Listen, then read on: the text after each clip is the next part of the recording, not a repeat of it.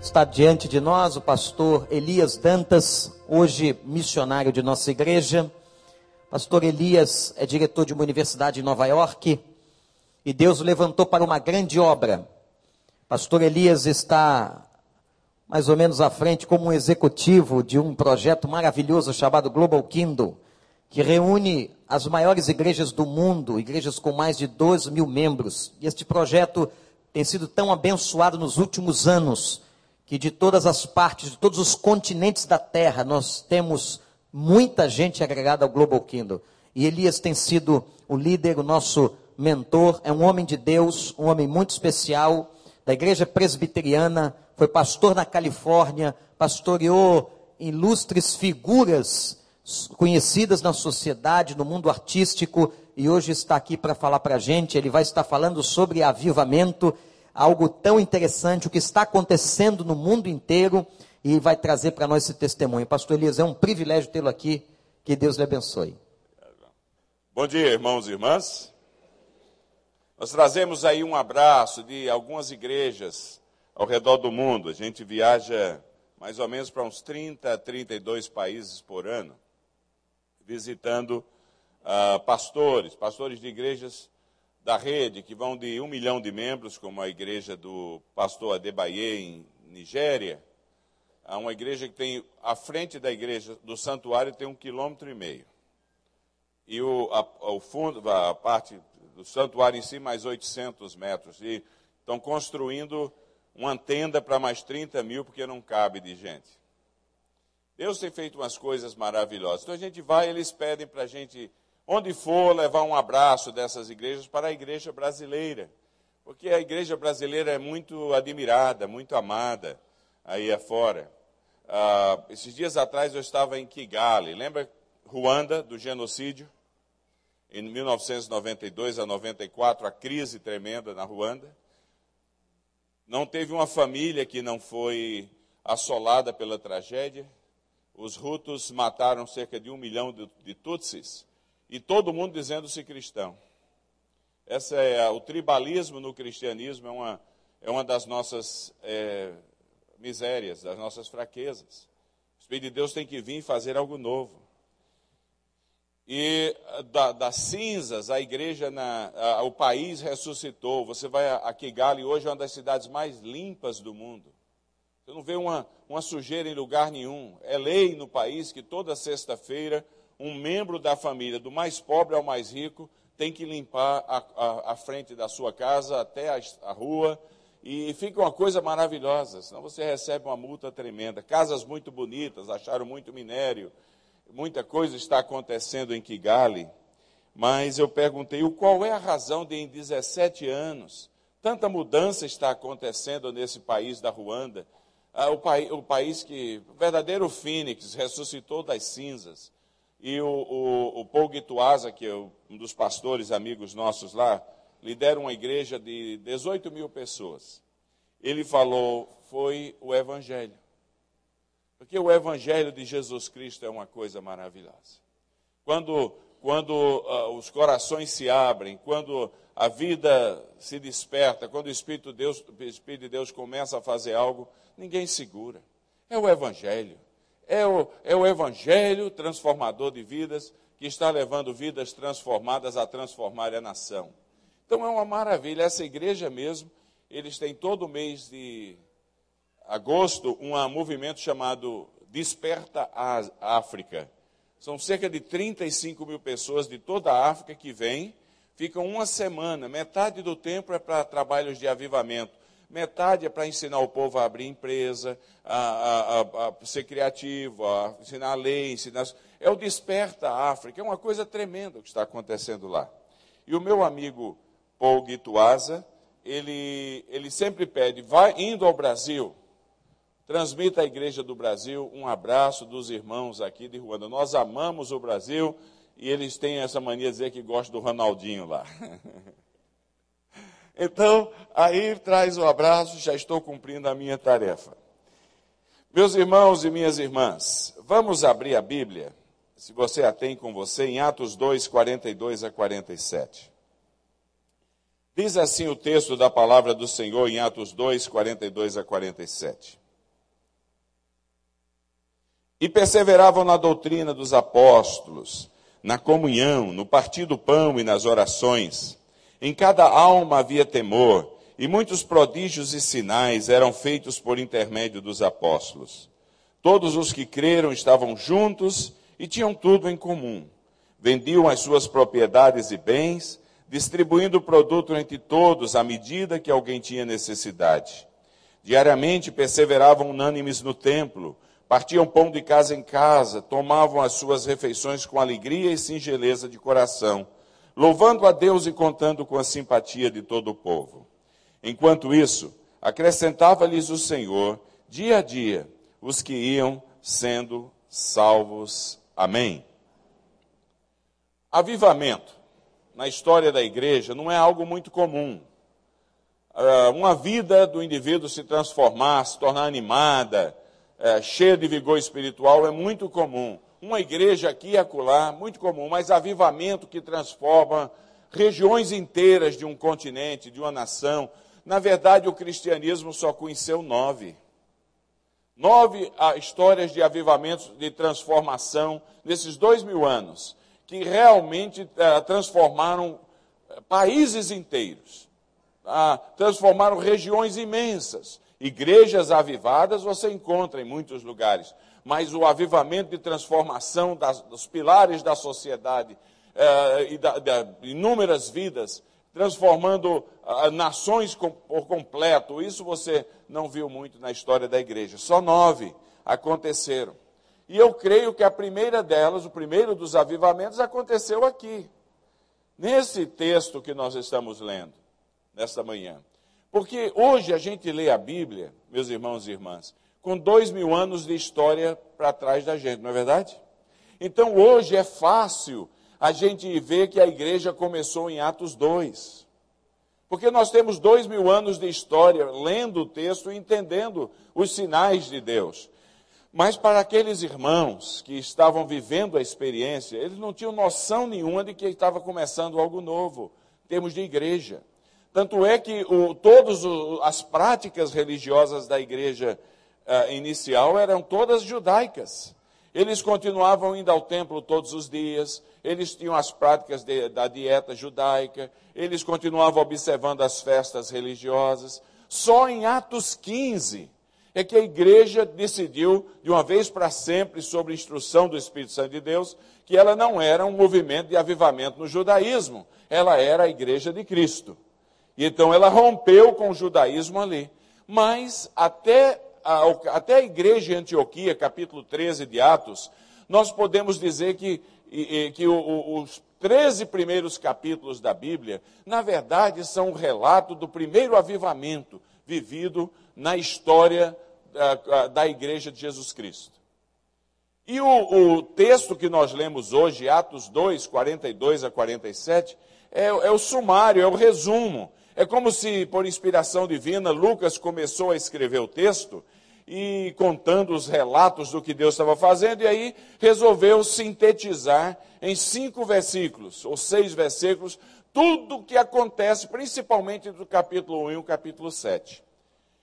E eu procuro estudar a história dos avivamentos. Essa é uma das matérias que eu mais me alegro em ministrar lá na, na, na universidade, é uma universidade cristã, na IAC, milhares de alunos mas tem, tem cursos bíblicos também, não só é, cursos de enfermagem, cursos de educação, comércio, como qualquer outra universidade, mas, economia, mas ela tem também cursos bíblicos. E aqui e acolá eu dou umas aulas.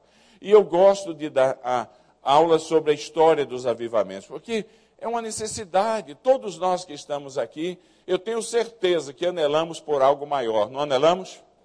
É claro, por isso você está aqui. Você não está aqui por causa da tradição, Senão, que miséria, vai para a praia, é bonito lá.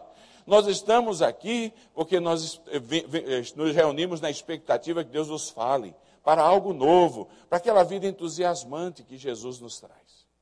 Então, convém estudar esse texto, porque na história da igreja, todos os avivamentos subsequentes, o avivamento monástico, o avivamento da reforma protestante, o avivamento das ordens religiosas, o avivamento pentecostal, o avivamento é, do, do, início do metodismo, do uh, pietismo, todos esses movimentos que aconteceram na história da igreja, as marcas e os pilares que denotaram a, a presença da ação de Deus, foram as mesmas que se encontram nesse texto aqui.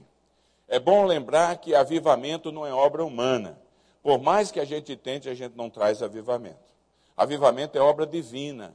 É quando Deus resolve agir.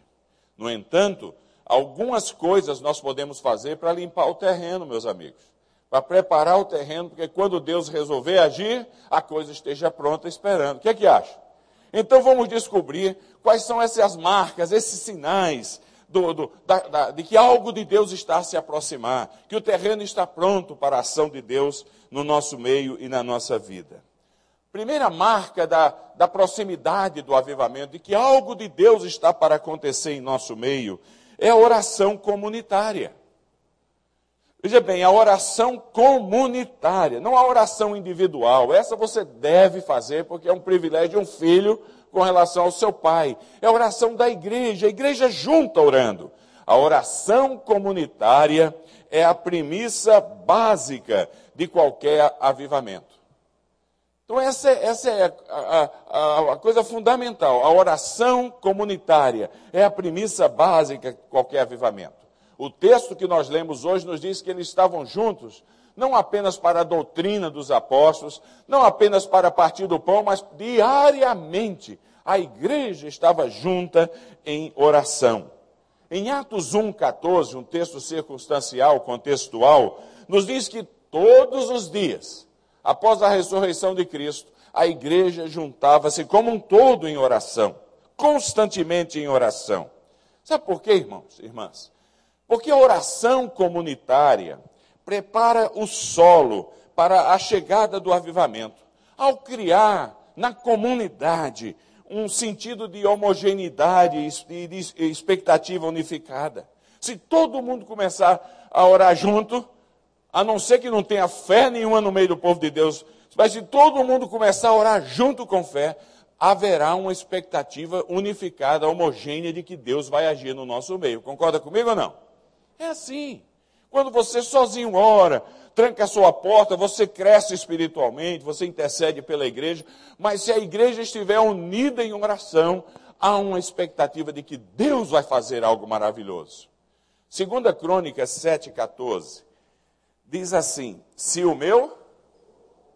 Ah, não diz se o Elias, nem se a Maria, nem se João, nem se José, nem se o Antônio, diz se o meu se a comunidade que se chama pelo meu nome se humilhar, orar e me buscar e se, ah, e se curar das suas uh, mazelas, eu ouvirei o quê?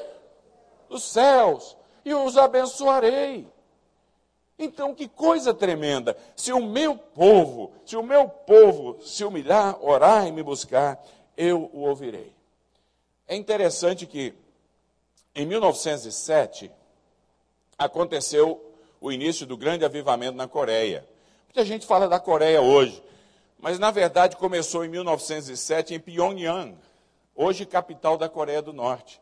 Era tanto crente em Pyongyang que chamava-se Jerusalém do Oriente, era o apelido da cidade. E a maioria deles eram presbiterianos. Você sabe, até hoje, 60% dos protestantes na Coreia são presbiterianos. É um verdadeiro milagre. E o, o, o, no, no bom sentido. Então, mas a, a, igreja começou a ter uma tensão muito grande. Havia uma, os missionários querendo manter o, o, domínio do poder. E havia os, os nacionais, os presbíteros, os diáconos, querendo independência. E a política começou a tomar conta da igreja. Então a Assembleia Geral da Igreja convocou um jejum solene por 14 dias a igreja inteira, no país inteiro, orando e jejuando 14 dias. E os presbíteros centrais da igreja, os diáconos e os pastores, reunidos na igreja central em Pyongyang por 14 dias em oração e jejum. 13 dias e nada aconteceu. No último dia, no último dia dos 14 dias de jejum e oração, o, o, o missionário Samuel Muffet levanta-se e pede perdão publicamente aos, aos nacionais por querer manter o poder quando a igreja já existia lá, estava na hora de liberá-los. Falou, perdoa-nos, perdoe-nos a nós, os missionários, por, pelo desejo de poder. E aí o, o presbítero Park, que representava a igreja, levanta e, e pede perdão aos missionários pela ingratidão. Vocês se, se dedicaram tanto, vieram aqui e nós estamos tão uh, ingratos em relação a vocês, nos perdoe. Começou um chororô, um quebrantamento, uma confissão de pecado, uma transformação, um avivamento que continua até os dias de hoje. É assim. Eu estava uh, há um ano atrás em, em, Seul, do outro lado da igreja Ioido, a igreja do Paul Yong-cho, e, e hospedado num hotel chamado Lexington. E eu sempre quis conhecer a famosa reunião de oração da madrugada. E, mas, ora, fuso horário e dormi. Quando deu quatro horas da manhã, começou uma barulheira na frente do hotel. Eu disse, meu Deus, o que é está acontecendo? Atentado terrorista? É, é, que barulheira, buzina para cá, para lá. Eu abri a janela do hotel, contei 147 ônibus lotados de irmãos vindo para orar. Todos os dias isso acontece. Eles pegam no metrô, e trazem para a igreja o pessoal. Cento, aí eu, mais que depressa, troquei meu pijama, atravessei a rua. Quando entro lá, encontro 15 mil pessoas reunidas orando. Não é à toa que Deus derrama da sua bênção ali naquela nação. Transformada completamente, porque há uma expectativa de que Deus vai agir. Porque a oração comunitária é a premissa básica de qualquer avivamento. Quando os moravianos, em 1718, criaram o conde, conde Zurzendorf, criou a igreja moraviana, junto com ela criou uma reunião de oração que levou 100 anos sem parar. Famosas, a famoso centenário de oração. Nunca deixou de ter alguém orando na igreja moraviana na Bavária. E em 30 anos eles tinham alcançado o mundo de então com missionários em 50 países. É assim. A oração comunitária é a premissa básica de qualquer avivamento. Amém até aqui? Então, se queremos, vamos ter prazer em estarmos juntos, clamando juntos. Em todas as igrejas que eu tenho visitado, onde Deus está fazendo algo excepcional, em geral, as reuniões de oração são tão ou, ou mais entusiasmantes do que o culto de domingo. E você sabe de onde a, a fonte vem, é dali, na presença dele. Segundo pilar, qual foi o primeiro? Foi a oração comunitária, que é a premissa básica de qualquer avivamento. Segundo é o estudo da palavra. Porque o estudo da palavra traz o necessário equilíbrio a qualquer avivamento. Em Atos 2, 37, o texto nos diz que os discípulos, a igreja, estava devotada ao estudo da doutrina dos apóstolos. Em Atos 1:3 nos diz que Jesus apareceu aos apóstolos e permaneceu com eles 40 dias, criando o primeiro seminário, o primeiro instituto bíblico da história da igreja, ensinando a igreja nascente sobre o reino de Deus, para que eles pudessem levar adiante o ministério que Jesus estava confiando a, eles. O estudo da palavra de Deus é o que vai trazer o, o, o necessário equilíbrio a qualquer avivamento. Porque quando a gente ora, ora, muita coisa estranha pode começar a acontecer. Algumas vêm de Deus, outras não. Porque oração é algo muito subjetivo. Concorda comigo ou não? Eu dei aula no seminário em Campinas, 14 anos, e um dia um ex-aluno meu me ligou do interior de Minas, falou: "Pastor, me ajude. Professor, me ajude". Eu falei: "O que que houve, meu filho?" Falou: "O povo na minha igreja começou a orar, orar, e agora, hoje, aconteceu um negócio que eu peço sua ajuda que fazer. Eu falei, o que, é que foi? Falou, alguns irmãos da igreja levantaram-se na hora do culto e disseram que estavam vendo uma chuva de pedra preciosa dentro da igreja. O que é que eu devo fazer? Eu falei, chamar a polícia. Deve valer muita coisa. Segunda é, guarda umas pedrinhas para mim que eu estou precisando. Terceiro, doutrine o seu povo, meu filho. Leve-os a amar as Escrituras. Porque é, é, exatamente o estudo da palavra de Deus que é, permite a gente julgar o, o, que é bom e o que não é. É, é, é uma igreja beriana que nós estamos tratando aqui. Toda a escritura é inspirada por Deus e é útil. Foi feita uma pesquisa na, nas igrejas, escolas dominicais das igrejas, muitas batistas até, nos Estados Unidos, para medir o conhecimento bíblico dos irmãos. E aí vão algumas perguntas que foram feitas. Pergunta número um, entre muitas. Quem escreveu os evangelhos? Quem escreveu os evangelhos? Me ajuda aí. Mateus. Essa igreja conhece a Bíblia, rapaz. Olha aí. Porque muitos irmãos marcaram, no entanto, a resposta era múltipla resposta, que os evangelhos tinham sido escritos por Mateus, Marcos, Martinho Lutero e João. Aí veio outra pergunta. Quem foi Sodoma e Gomorra? Quem foi Sodoma e quem foi Gomorra? Quem foram? E cidades destruídas pelo poder de Deus devido ao seu pecado. Alguns irmãos marcaram o xizinho na resposta certa. Mas muitos irmãos e irmãs marcaram a resposta que dizia que Sodoma e Gomorra tinham sido amantes. Então havia uma terceira pergunta: de onde veio Eva? E agora? Hã? E aí tinha a resposta certa: de um costela de Adão pelo poder de Deus. Mas muitos irmãos e irmãs marcaram um quadradinho que dizia que Eva veio de uma maçã. De repente, puf! E eu moro na Big Apple, eu moro em Nova York. Então Eva era nova-iorquina. E finalmente tinha uma pergunta mais complicada. Pergunta era a seguinte: quem foi Acabe? Complicou um pouco ou não? É. E foi aquele rei terrível do reino de Israel, casado com Jezabel. Coisa miserável aquele homem. Poucos irmãos marcaram a resposta certa, porque muitos marcaram a resposta que dizia que Acabe tinha sido a mula de Balaão.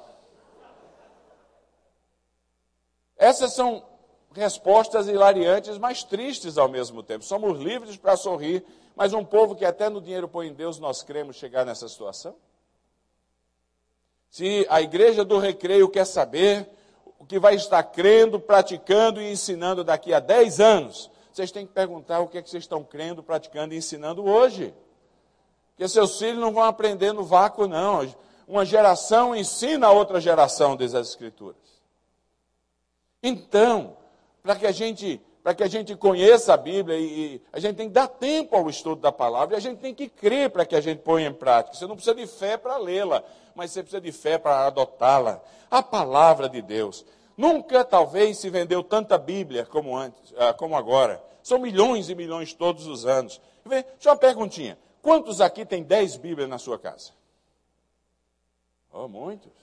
20 Bíblias. É uma, abre uma livraria. Ah, nós temos Bíblia. Nunca se vendeu tanta Bíblia. E nunca o povo tem sido tão analfabeto em relação às Escrituras. Olhe, tem gente que usa a Bíblia como um desodorante. Põe aqui debaixo do braço e vai assim. Ó. Tem outros que usam como antigripal. Põe aqui. Protegendo o peito, pode dar vento o que for, aqui não entra. Nós temos que ser praticantes da palavra, conhecê-la, estudá-la. Isso implica em tempo, gastar tempo, fazer as perguntas certas, aplicar de uma maneira correta. Nos Estados Unidos foi feita uma pesquisa recente. Pergunta simples aos pastores, todas as denominações: Você crê que a Bíblia é a palavra de Deus? 45% disseram não. Então, todas as igrejas lá têm um ritual muito bonito. Há um momento na lei, na, no culto onde lê-se o texto do Antigo e do Novo Testamento, e aí o pastor pergunta, diz assim: Esta é a palavra de Deus, qualquer denominação. E aí todo, toda a congregação responde: Graça seja dada a Deus. Puro, pura forma, puro ritual, sem essência alguma. Sem essência alguma. Deus não nos quer sendo uma comunidade de atores onde a gente representa dramaticamente os, os, atos do culto, Deus quer que a gente seja uma comunidade de fé, que ouve, aceita, crê e obedece. Então, se queremos o avivamento de Deus, As escrituras têm que ser centrais na nossa vida. Temos que amar. Se, se a gente não quer só falar da boca para fora, mas da boca para dentro. Então, não só a oração comunitária, mas a, o estudo sério da Bíblia tem que ser a marca da nossa vida e da nossa comunidade. Ah, tudo bem até aqui? Então, qual foi o primeiro pilar? Oração. Que é o quê? A premissa básica de qualquer avivamento. Qual é o segundo pilar? O estudo da palavra, que traz o quê? O equilíbrio, avivamento. Terceiro, é a pregação da palavra. Pregação da palavra, não só o estudo, a comunicação das boas novas. A pregação da palavra é o processo natural de qualquer avivamento. Você não consegue conter para você. Você quer falar para os outros. Todos os capítulos ao redor desse texto, até o capítulo 7, são capítulos de pregação das boas novas. Capítulo 2, capítulo 3, capítulo 4, capítulo 5, capítulo 6. Há uma, um desejo, quando o Espírito de Deus está agindo em nosso meio, não dá para conter só para a gente. São textos de pregação. A pregação é o processo de espalhar as boas novas, da, a boa nova da chegada das boas novas. Existe, eu, talvez tenha algum, algum indivíduo aqui especializado em grego, mas deixa eu dizer uma coisa: existem quatro palavras no grego para definir comunicação. O grego é uma língua muito exata, ele se preocupa com pequenos detalhes e, e, e para comunicar uma ideia em cima. Não é à toa que o Espírito de Deus escolheu o grego para ser a língua do Novo Testamento. Então são quatro palavras para comunicação a palavra que o Espírito de Deus escolheu para a pregação do Evangelho é única. É a palavra querigma. Querigma, que não era uma palavra do dia a dia, era uma palavra festiva, proclamadora de vitória. Você não, qualquer comunicaçãozinha que você fizesse, você não usava essa palavra. Era uma palavra usada no, nos tempos do Império Romano para comunicar as vitórias de Roma. O maratonista que era o correio daquela época, trazia as boas novas correndo. Havia uma rede de maratonistas, 40, 60 quilômetros. Passava a notícia: Roma venceu, Roma venceu. Quando ele chegava em Roma, correndo, já sabia, havia uma boa nova a ser comunicada. E, e o, o, o Fórum Romano, na parte alta de uma das sete colinas originais de Roma, com os templos, ruínas dos templos hoje, né? Ah, dos deuses romanos. Ali, quando ele ia chegando, as trombetas tocavam, a cidade sabia que havia uma comunicação importante a ser anunciada, e o arauto chegava lá no Fórum Romano e dizia: Roma venceu. A palavra da comunicação da vitória é a palavra querigma. Não é interessante que o Espírito de Deus usou para, para, para escolher usar para a comunicação do Evangelho uma palavra que só era usada para comunicar a vitória?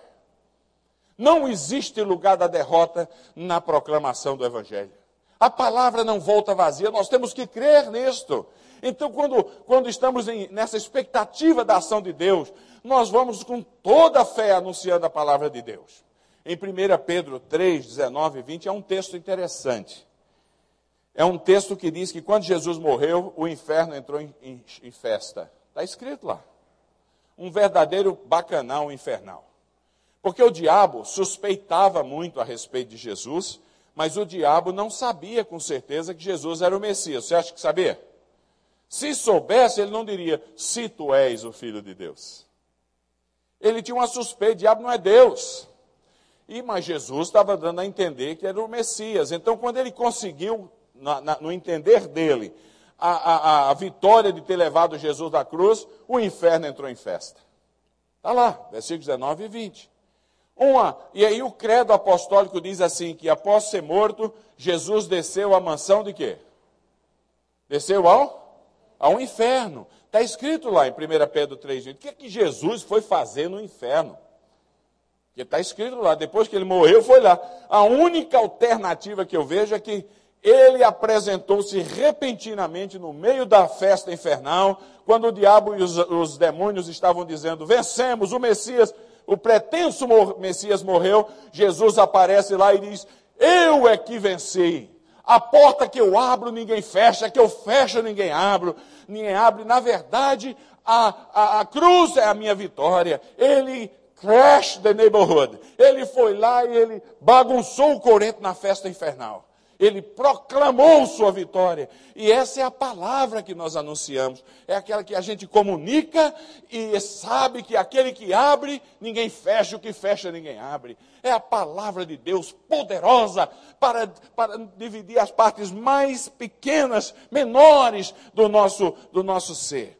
Então, quando o avivamento de Deus está para chegar, o povo se se, se uh, anima, se entusiasma e proclama as boas novas. Deus está no nosso meio. Você ouviu essa moça hoje dando testemunho, essa senhora? Meu Deus, que coisa maravilhosa! Você não pode ficar só para você.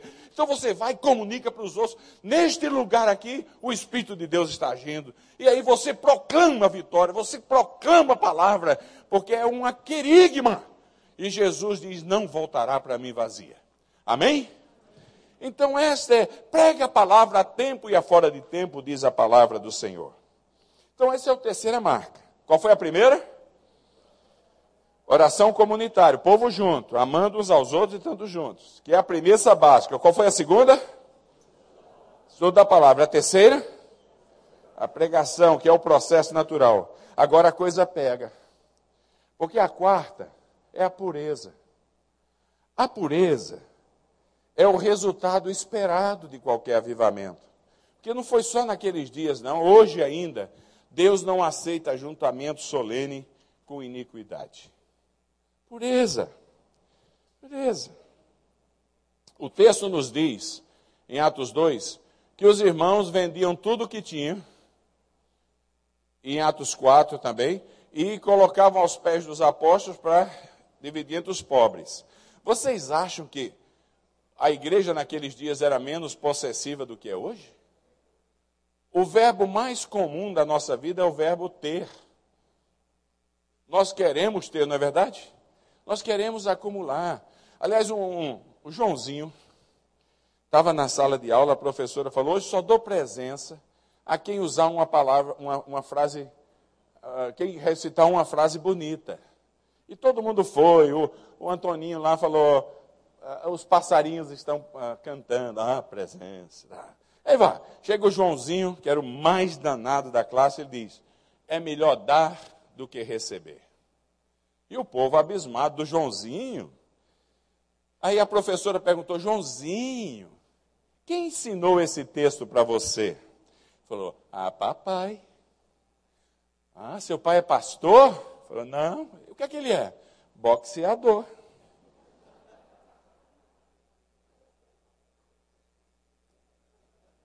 Ainda hoje, ainda hoje, até o dar, na maioria das vezes tem segundas intenções. É verdade ou não? Isso é a nossa sociedade. Há uma, quando há uma manifestação do Espírito de Deus no nosso meio, quando queremos de fato, há uma transformação, a pureza. O, o, o, os irmãos, aí, esse ato de, de, de, de colocar os pés dos apóstolos era um ato de santidade. Outras áreas da nossa vida, elas são descontaminadas quando o Espírito de Deus chega. Há um texto interessante, Ananias e Safira. É o que estava acontecendo ali ao redor, capítulo 5. Ele, enquanto a igreja tinha 120 crentes, ele não abria a boca. Quando a igreja de repente tinha 3 mil, ele quis ser diácono. Ia ter a assembleia da igreja para eleger diácono. Então ele, porque é cargo político, muita gente, aquele negócio todo. Então ele montou um esquema com a senhora dele, a dona Safira. Ele diz: Minha filha, o mês que vem, foi, aí os apóstolos convocaram a Assembleia da Igreja. Vai ser um show. É a nossa noite. É o seguinte: eu vou chegar uma hora, eu vou vender nossa fazenda, ninguém precisa saber que a gente guardou mais da metade e deu um tanto lá. Vai, vai ser o maior saco de moeda da noite. Mas vai ser o último a entregar. Nós vamos entregar no final que a gente tem que aparecer, faz tudo para. Eu preciso ser eleito diácono. Então ele falou, e vai ser um show. Então todo mundo vai dizer, mas como Ananias é crente e ninguém segura mais a gente. Agora você fica em casa se preparando, você vem uma hora depois. Você vai ser a, a dama, a primeira dama da noite. Ela ficou toda entusiasmada, comprou aquele salto alto bem grande, fez uma operação de botox, preparou-se toda. Chega o grande dia. Trazei os dízimos e ofertas aos pés dos apóstolos lá, né? O povo traz o último a trazer, quem foi? E chega a vir com um sacão pesado. Ah, ah, e joga lá nos pés dos apóstolos. O apóstolo olha para ele e faz: Seu safado, miserável, nojento. Quem você está pensando que é? Hã? Hã? Se você tivesse guardado para você, não tinha problema nenhum, ninguém é obrigado a trazer nada. Agora você vem e fica dizendo que está entregando tudo. Lá, ô miserável, você não está mentindo a homens, mas está mentindo a Deus. E para que fique claro que Deus não aceita iniquidade com ajuntamento solene, bata as botas. E o que é que acontece com Ananias? Os homens saem carregando o Ananias que já era. Uma hora depois, quem chega lá? Hã? Dona Safeira, aquele saltão alto, vem rebolando pela, pela, pela corredor central, é laica, ó. É aquele negócio, joia para todo lado. Era a noite dela.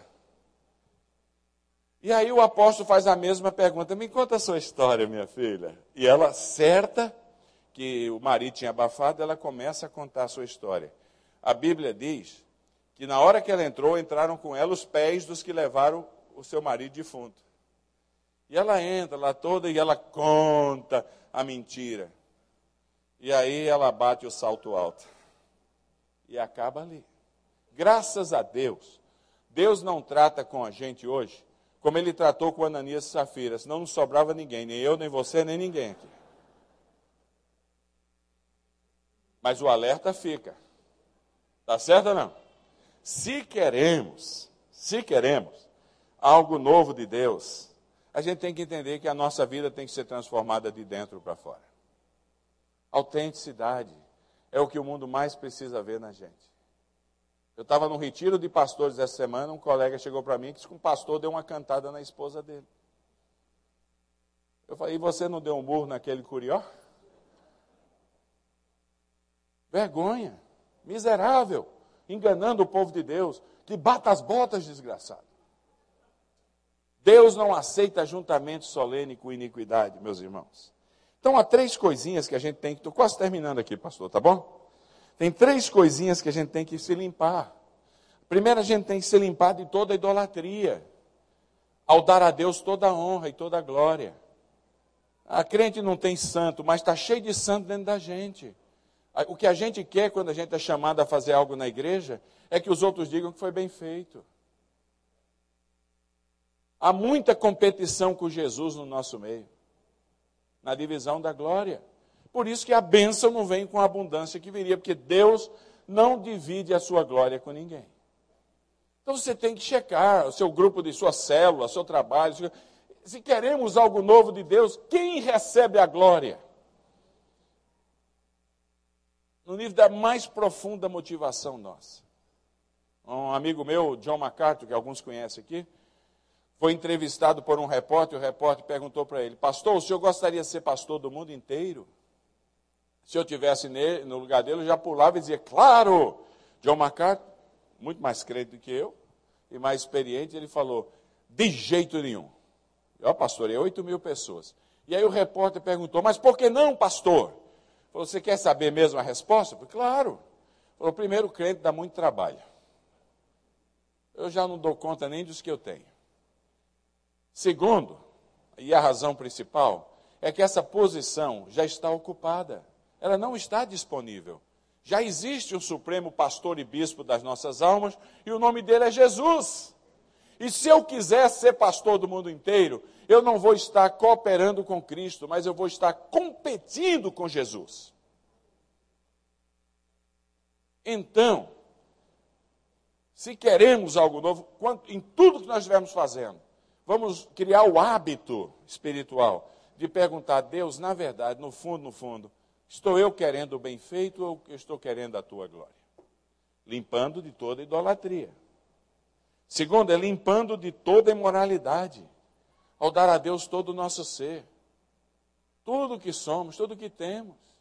E terceiro, é limpando-nos de todo mundanismo, ao dar ao outro o assento da honra, da primazia. Mundanismo não é roupa que eu uso, música que eu escuto. Né?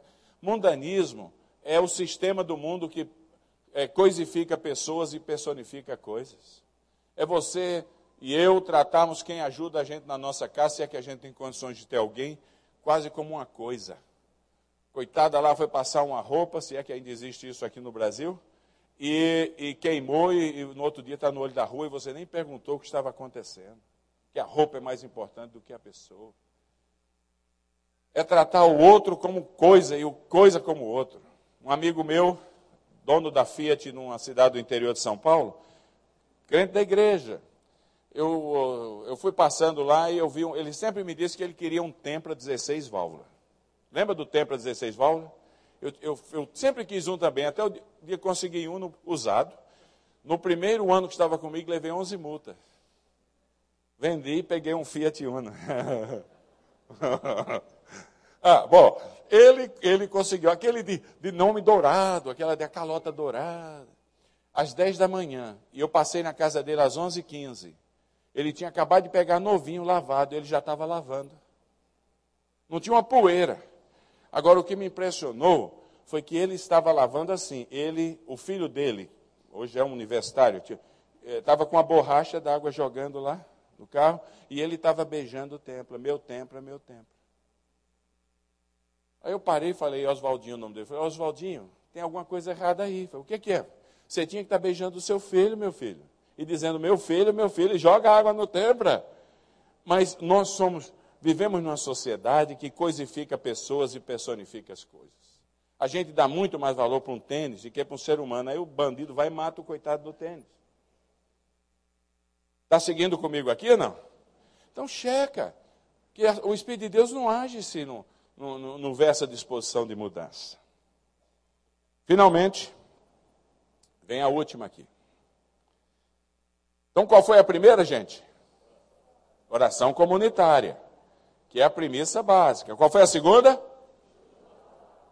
Muito bem, que dá o quê? Equilíbrio, é o lastro. Qual foi a terceira? Que garante a expansão, a propagação. Qual foi a quarta? Que é o, o, o resultado esperado de qualquer avivamento. Agora vem a última. A última é o louvor e a adoração. Louvor e adoração. Porque a adoração a Deus é o que permeia qualquer avivamento na história da igreja. Oração. O texto diz que eles estavam juntos todos os dias, partindo pão, com orações. São elementos de culto. É, em Atos 4, quando os discípulos são soltos e chegam na casa, encontram o povo louvando a Deus. A oração, a, digo, a adoração, o louvor e a adoração é o que permeia qualquer avivamento. Sabe por quê? Porque a adoração a Deus é a única disciplina espiritual que ajuda você e a mim a quebrar o ciclo do, da reclamação e do negativismo que é tão prevalente nas nossas vidas. Nós reclamamos de tudo na vida. Tem gente que já está reclamando que eu estou falando muito.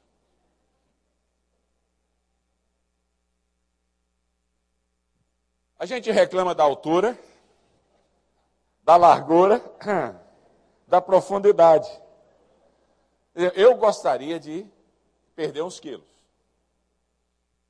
Eu estava andando muito rápido e passei por uma velhinha lá na Flórida, de madrugada, cedinho. Ela estava andando devagarzinho, ela falou: Ei, jovem! Eu já gostei que ela me chamou de jovem. Aí eu falei: Fala, minha senhora. Ela falou: Eu parei na hora, ser chamado de jovem, né, meu amigo? Eu falei: Sim, senhora. Ela falou: Essa é uma batalha perdida, meu filho.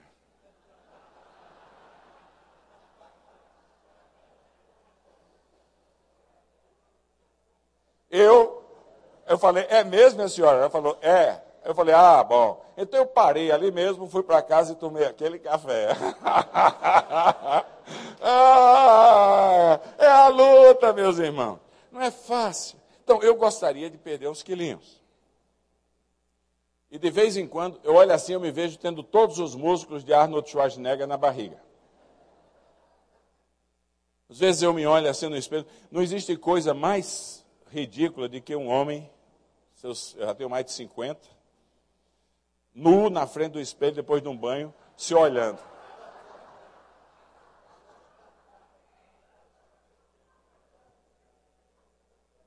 E para falar a verdade não é fácil, é uma, é uma dureza.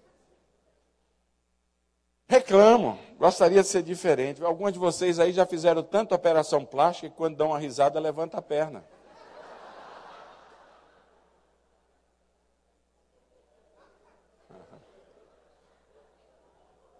Insatisfação.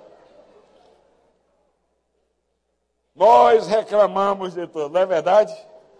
Nós reclamamos da altura, da largura, da profundidade, da família, da família do outro, dos amigos nossos, dos amigos dos outros, dos vizinhos. Nós reclamamos de tudo. Um pastor da igreja, opa, não posso dar o nome da igreja dele aqui, mas é uma igreja batista, amigo meu, falou que ele fez um desafio na igreja dele, foi maravilhoso a ideia. 40 dias sem reclamação. Aí eu perguntei quando é que vai ser o lançamento. Ele falou, vai ser na Páscoa. Falei, tá bom.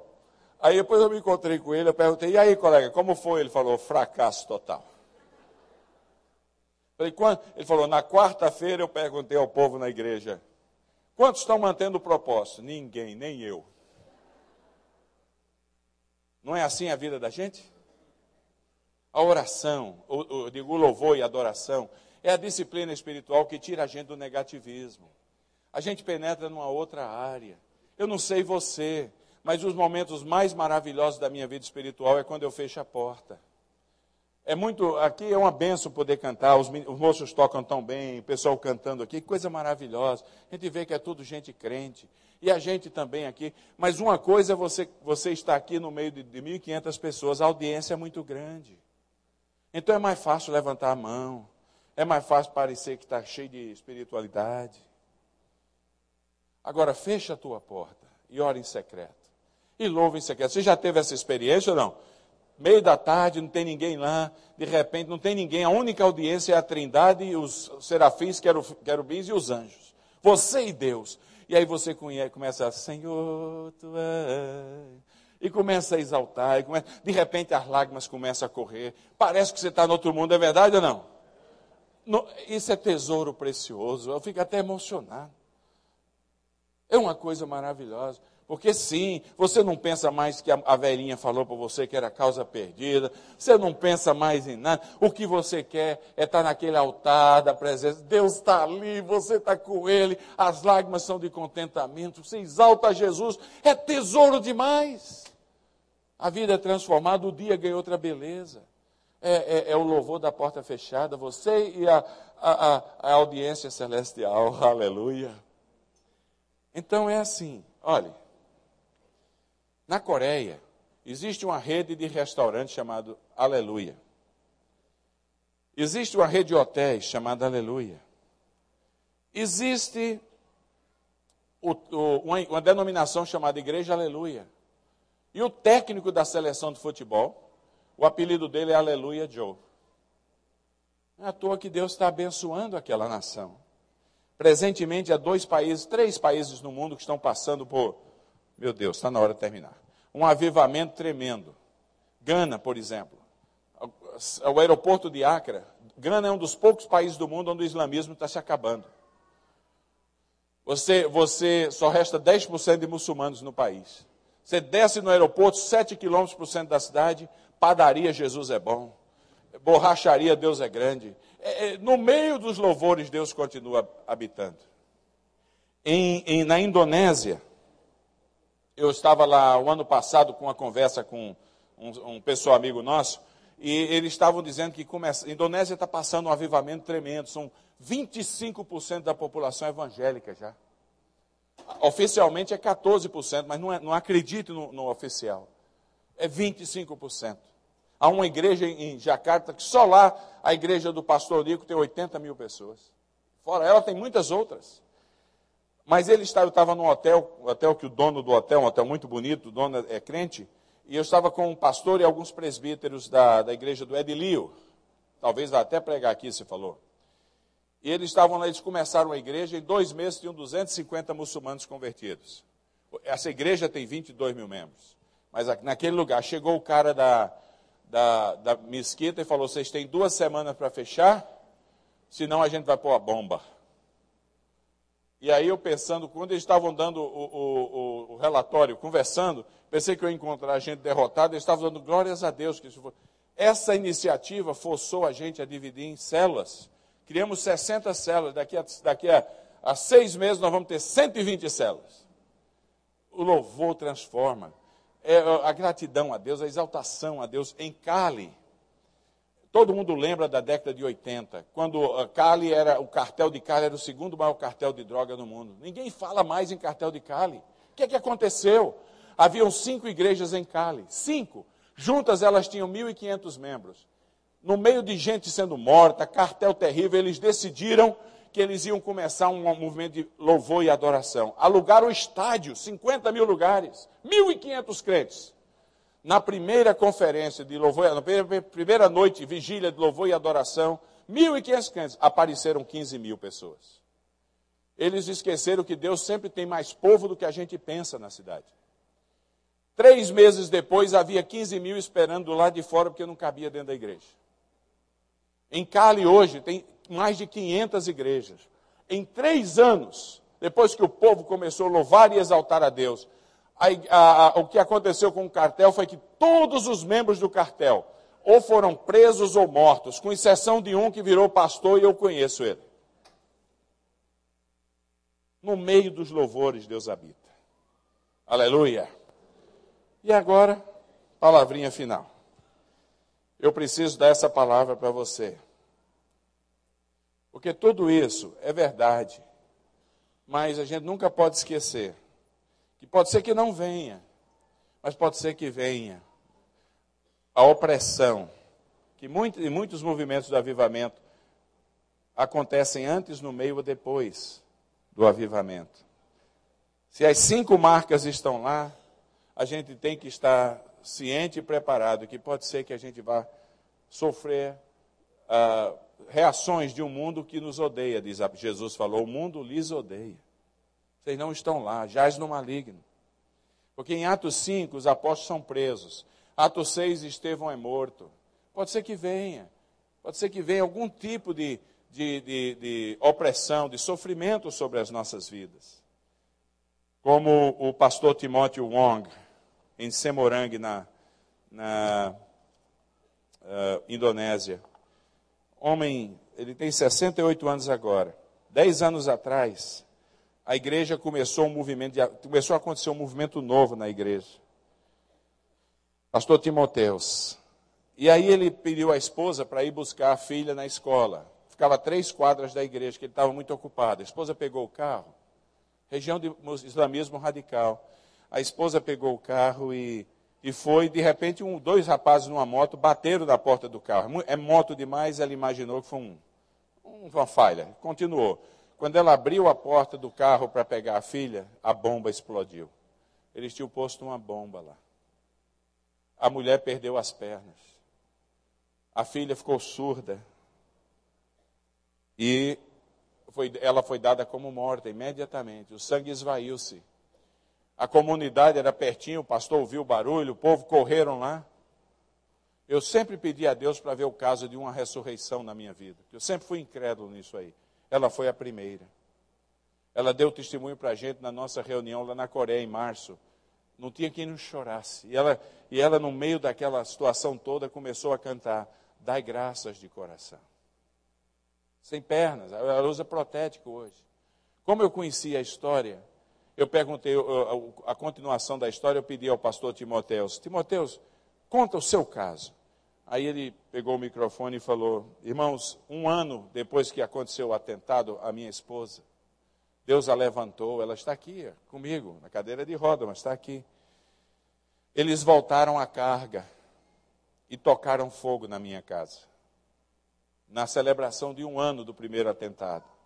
E a minha casa é de madeira.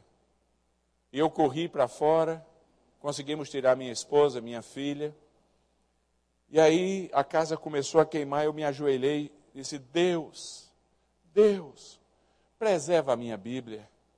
A casa vai ser toda queimada, mas a minha Bíblia, meu pai me deu. Quando era criança. Ela conta a história da minha vida contigo, nas laterais dela. Eu fui anotando o Senhor falando comigo: preserva a minha Bíblia, Deus.